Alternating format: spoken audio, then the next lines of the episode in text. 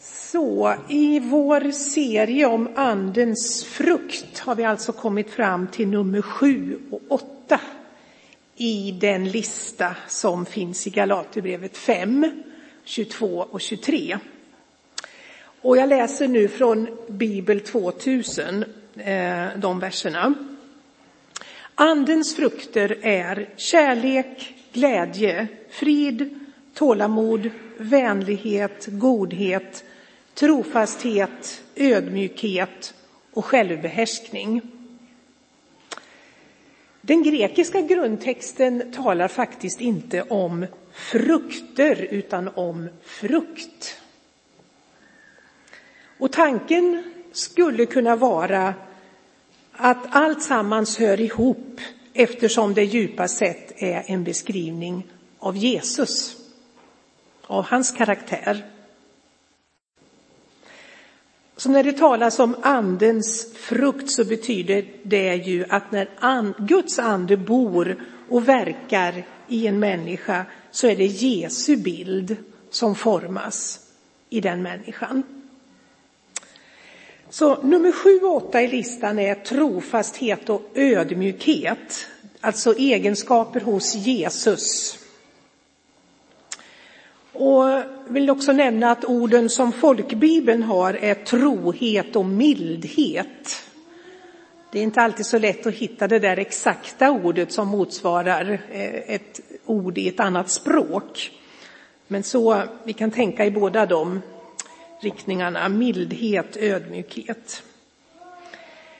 Eh, en viktig fråga när vi talar om andens frukt är naturligtvis hur kan vi bära den? Med andra ord, hur tar Jesus gestalt och blir märkbar i våra liv?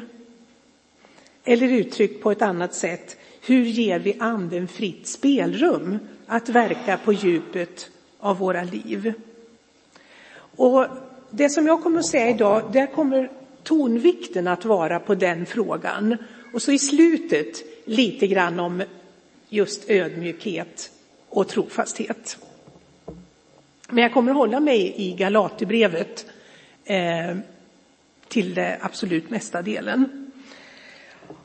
Och eh, en god regel när vi vill fånga upp budskapet i ett visst bibelord, det är ju att söka nycklar i sammanhanget där det här ordet står. Och det ska vi göra alldeles strax. Men först några ord om själva uttrycket andens frukt. När Paulus alltså på det sättet beskriver det goda som Gud längtar efter att få se från våra liv och som är tänkt att också komma andra människor till del, då betonar han alltså att det är Gud själv som genom sin ande åstadkommer det. Och just därför passar det så bra att tala om frukt. För det handlar inte om våra ansträngningar, utan om något som anden skapar. Det är inte fråga om grannlåt som vi hänger på oss själva för att det ska se bra ut. Utan det andens frukt är någonting som mognar fram när vi lever och vandrar med Jesus dag för dag. Då blir frukten ett utflöde från den gemenskapen och därför finns det något oansträngt över frukten. Tillbaka till frågan då, hur öppnar vi för Guds ande? Hur vandrar vi med Jesus så att vi mer och mer kan likna honom? Finns det någon speciell nyckel kanske i Galaterbrevet? Ett tips är att läsa hela brevet med en tanke i bakhuvudet. Hur hör det här och det här och det här ihop just med frukten? Så kan man göra vad det än är man vill studera. Läsa hela sammet och tänka hur, och sammanhanget och tänka hur hör det här ihop med detta som jag vill veta någonting om nu. Och det finns mycket att fundera över där, men idag tar vi vår utgångspunkt i det som är grundstenen för hela den kristna tron och som Paulus också talar om i Galaterbrevet, nämligen korset. Och vi ska inte heller glömma det Paulus säger om korset i våra liv. Men först bara en liten kort påminnelse om varför Paulus skrev det här brevet. Jo, han skriver för att försvara den frihet som finns i Kristus. För bekymret är att det har dykt upp irrlärare som menar att det inte räcker med tron på Jesus och hans kors. Utan den kristne måste också ställa sig under den mosaiska lagen med omskärelse och andra föreskrifter från det gamla förbundet. Men Paulus varning är jätteskarp.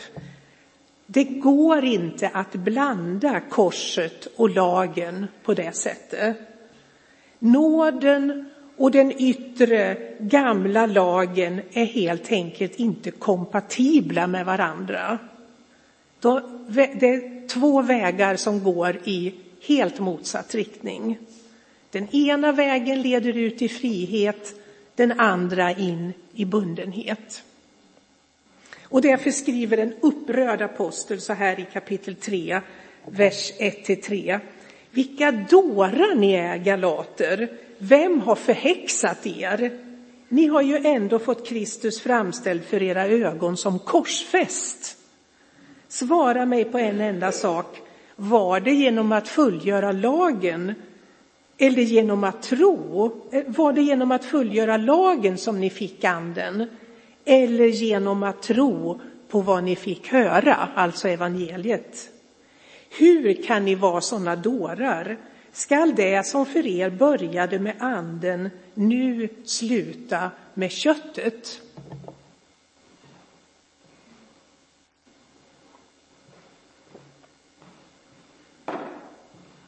Vad då köttet? Har Paulus eller Gud problem med att vi är kroppsliga varelser av kött och blod? Inte alls. Utan när det i det här sammanhanget talas om köttet, då ska det förstås som det inom oss som opponerar sig mot Gud. Det handlar om våra själviska instinkter och inte minst som vi ser i det här brevet så handlar det också om vår egen rättfärdighet.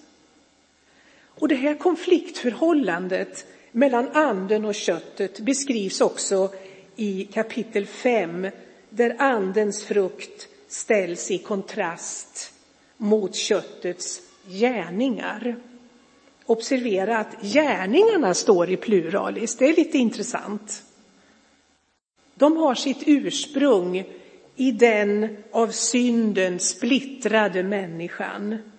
Och i de här gärningarna finns ingenting av den harmoniska samlande helhet som präglar den frukt som har sin grund i Jesus och i hans person. Nu, för att fånga in vad andens frukt står för så skulle vi alltså utgå från korset. Det som Jesus gjorde där och det som korset gör i våra liv. Korset är grundstöten mot vår egen rättfärdighet och grundstöten mot hela vår kötsliga, gudsfrånvända natur. Därför skriver Paulus i Galaterbrevet 2, 19-20 om korsets verkan i det egna livet. Jag har blivit korsfäst med Kristus, men jag lever, fast inte längre jag själv. Det är Kristus som lever i mig. Så långt jag ännu lever här i världen lever jag i tron på Guds son som har älskat mig och offrat sig för mig.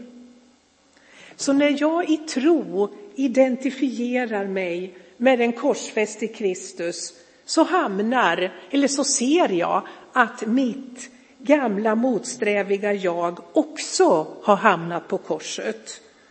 Och i den kärlek som möter mig där på korset så uppstår, ja verkligen uppstår, ett nytt jag med rot och grund i Kristus och i hans kärlek. Ett nytt Kristus-jag istället för det gamla.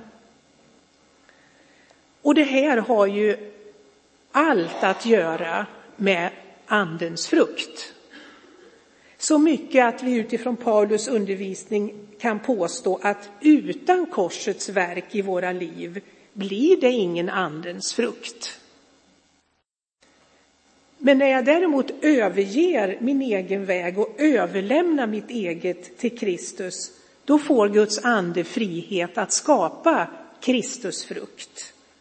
Alltså när jag lever i tron på Guds son som har älskat mig och offrat sig för mig. Alltså först och sist så handlar alltihopa det här och även den här fruktkorgen handlar om relationen. Det handlar alltså också om tro.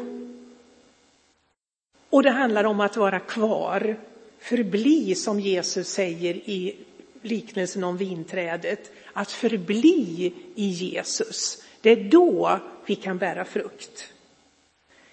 Så istället för att själv se till att det här händer så får jag i tro förlita mig på det som redan har hänt. Det får jag göra även när jag misslyckas. Det är då det är särskilt viktigt. Det som redan har hänt, jo, jag har blivit korsfäst med Kristus och därför har jag tillgång till hans liv som ger frukt.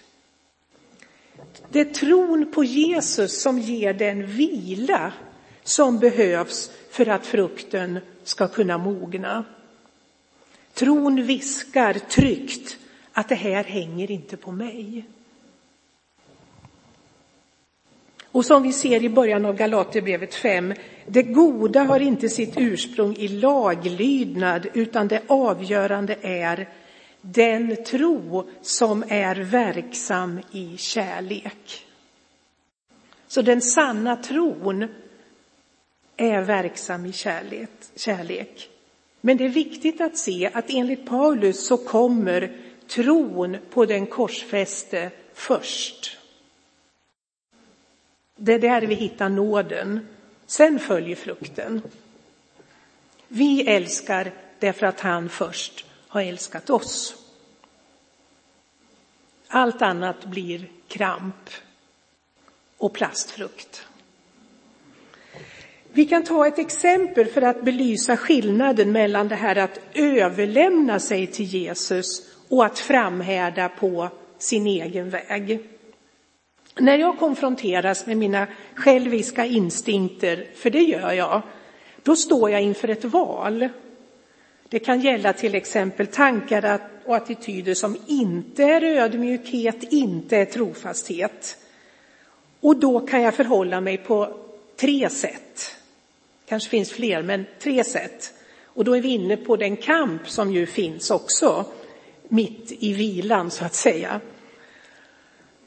Och då, antingen så tillåter jag det gamla jaget att styra genom att jag ger helt enkelt efter för stoltheten, självhävdelsen, hämndbegäret, fientligheten eller vad det nu är för någonting. Så finns det en mer religiös och sofistikerad variant. Det är att jag med bästa förmåga förtränger det hela. Och vad, vad är det som främjas då? Jo, det är min egen rättfärdighet. Jag vet inte om någon känner igen sig, men visst är, visst, visst är det ofta, visst, visst kan vi den vägen också. Men det tredje alternativet, det är att jag i positiv bemärkelse kryper till korset och erkänner för mig själv och för Gud att så här är det. Det är inte bättre än så här. Så här är det. Och det är bara då som jag kan överlämna mig själv till honom och ge rum för den heliga ande att verka. Bara då. Och så för att tala sant om andens verk i oss så får vi inte heller glömma den aspekt som handlar om att Gud för att skapa frukten hos oss också använder livet med dess olika omständigheter och skeenden inte minst svårigheter av olika slag. Det var väl därför, en som hade erfarenhet av detta var ju sångförfattaren Emil Gustafsson. Han skriver ju ett stilla barnahjärta eller ett stilla ödmjukt hjärta man får ej hur som helst. Det går ej utan smärta att bli så genomfrälst. Att andelivet strömmar ut i mitt hjärta så att alla mina drömmar i Jesu anda gå. Och nu innan jag till sist säger några korta ord om just trofasthet och ödmjukhet så ska vi bara läsa frukttexten i ett lite större sammanhang som också beskriver den här kampen mellan Guds ande och vårt kött. Jag tror att det här är väldigt viktigt för att få med vad andens frukt står för. Galaterbrevet 5, 13 till 25. Ni är ju kallade till frihet. Låt bara inte den friheten ge köttet något tillfälle utan tjäna varandra i kärlek. Hela lagen sammanfattas i detta enda bud. Du ska älska din nästa som dig själv. Men om ni biter och sliter i varandra är det fara värt att ni gör slut på varandra. Nej, säger jag, låt er ande, eller här måste jag säga som det står i grundtexten, anden, det är alltså inte vår ande, utan låt anden leda er, så ger ni aldrig efter för köttets begär. Köttet är fiende till anden och anden till köttet. De två ligger i strid så att ni inte kan göra det ni vill. Men om anden får styra er står ni inte längre under lagen. Vad köttet ger, eller alltså köttets gärningar, är lätt att se. Otukt, orenhet, liderlighet, avguderi, trolldom, fiendskap, strider, ofördragsamhet, vrede, intriger, splittringar, kätterier, maktkamp, dryckenskap, utsvävningar och annat av samma slag. Än en gång varnar jag er, de som gör sig skyldiga till sånt ska inte få del i Guds rike. Men andens frukter, eller andens frukt, är kärlek, glädje, frid, tålamod, vänlighet, godhet, trofasthet, ödmjukhet och självbehärskning. Mot sådant vänder sig inte lagen. De som tillhör Kristus Jesus har korsfäst sitt kött med alla dess lidelser och begär. Om vi har andligt liv, låt oss då följa en andlig väg. Eller mer ordagrant, om vi har liv genom anden, låt oss då också vandra i anden. Eh, det är alltså inte vår egen ande som för strid mot köttet. Det är inte den som befriar oss från lagens krav och inte den som skapar den goda frukten, utan det är Guds ande som gör allt detta. Och det betyder också att det är Guds ande som uppfyller lagens egentliga avsikt. Hela lagen sammanfattas i detta bud, du ska älska din nästa som dig själv. Den lagen har ju inte slutat gälla, men i Jesus Kristus så drabbar den oss inte längre som ett yttre omöjligt krav, utan lagen har istället blivit lagd i våra hjärtan genom den heliga Ande. Så istället för att beskriva frukten så mycket idag så har jag valt att fokusera på hur vi får den. Och det har ju funnits en tanke med det. Men om jag nu ändå till sist säger några korta ord om dagens frukt så är det inte för att hålla upp en instruktionsbok och säga att nu gör vi så här utan se det mer som ett litet försök att ge en doft av frukten så att vi ännu mer längtar efter den och söker den på det enda ställe där den finns att få, hos Jesus, genom nåden. Och egentligen så känner vi ju redan doften eftersom den nya lagen, kärleken, är lagd i våra hjärtan.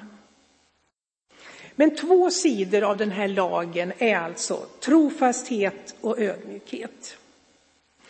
Trofastheten kan handla både om troheten mot Gud och mot hans uppenbarade vilja och trofasthet gentemot människor.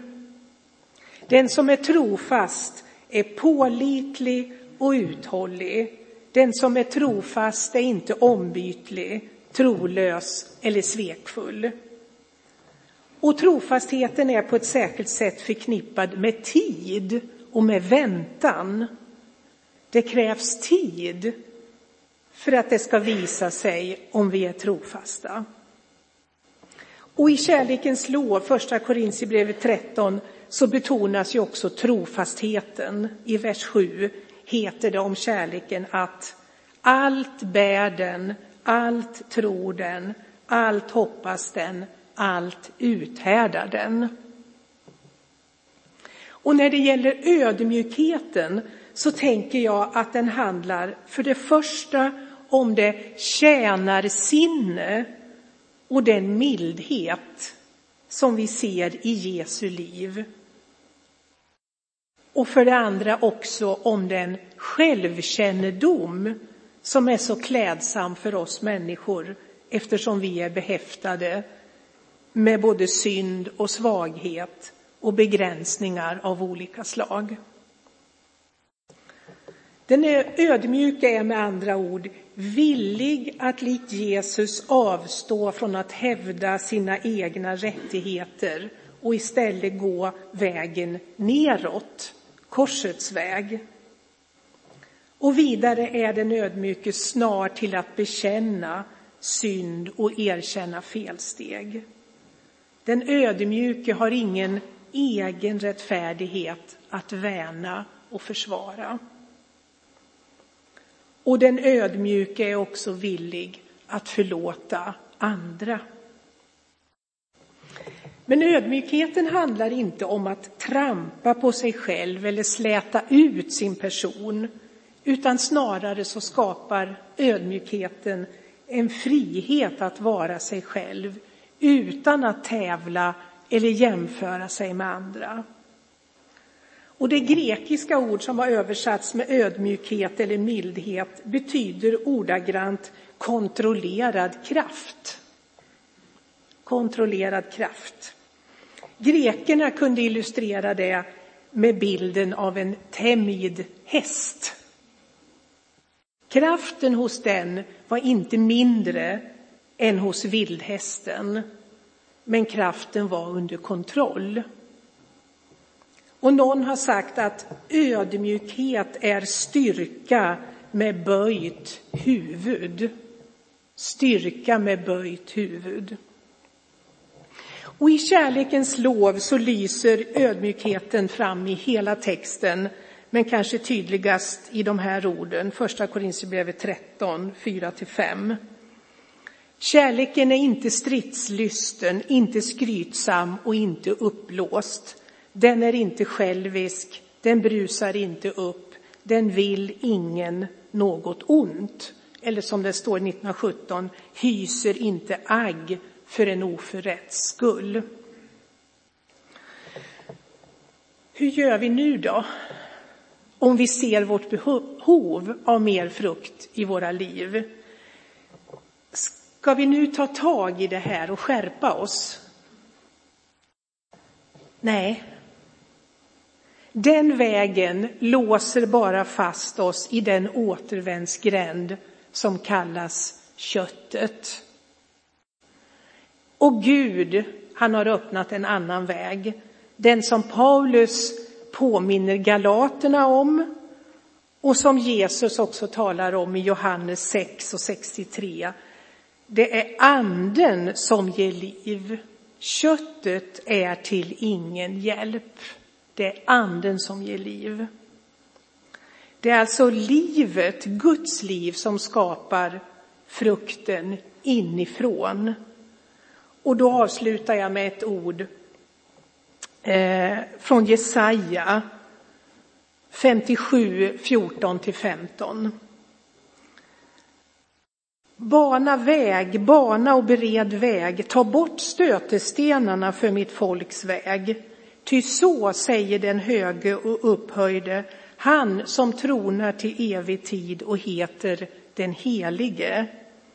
Jag bor i det höga och heliga, men också hos den som är förkrossad och har en ödmjuk ande. För att ge liv åt de ödmjukas ande, för att ge liv åt de förkrossades hjärtan. Vi tar en stund i stillhet och bön.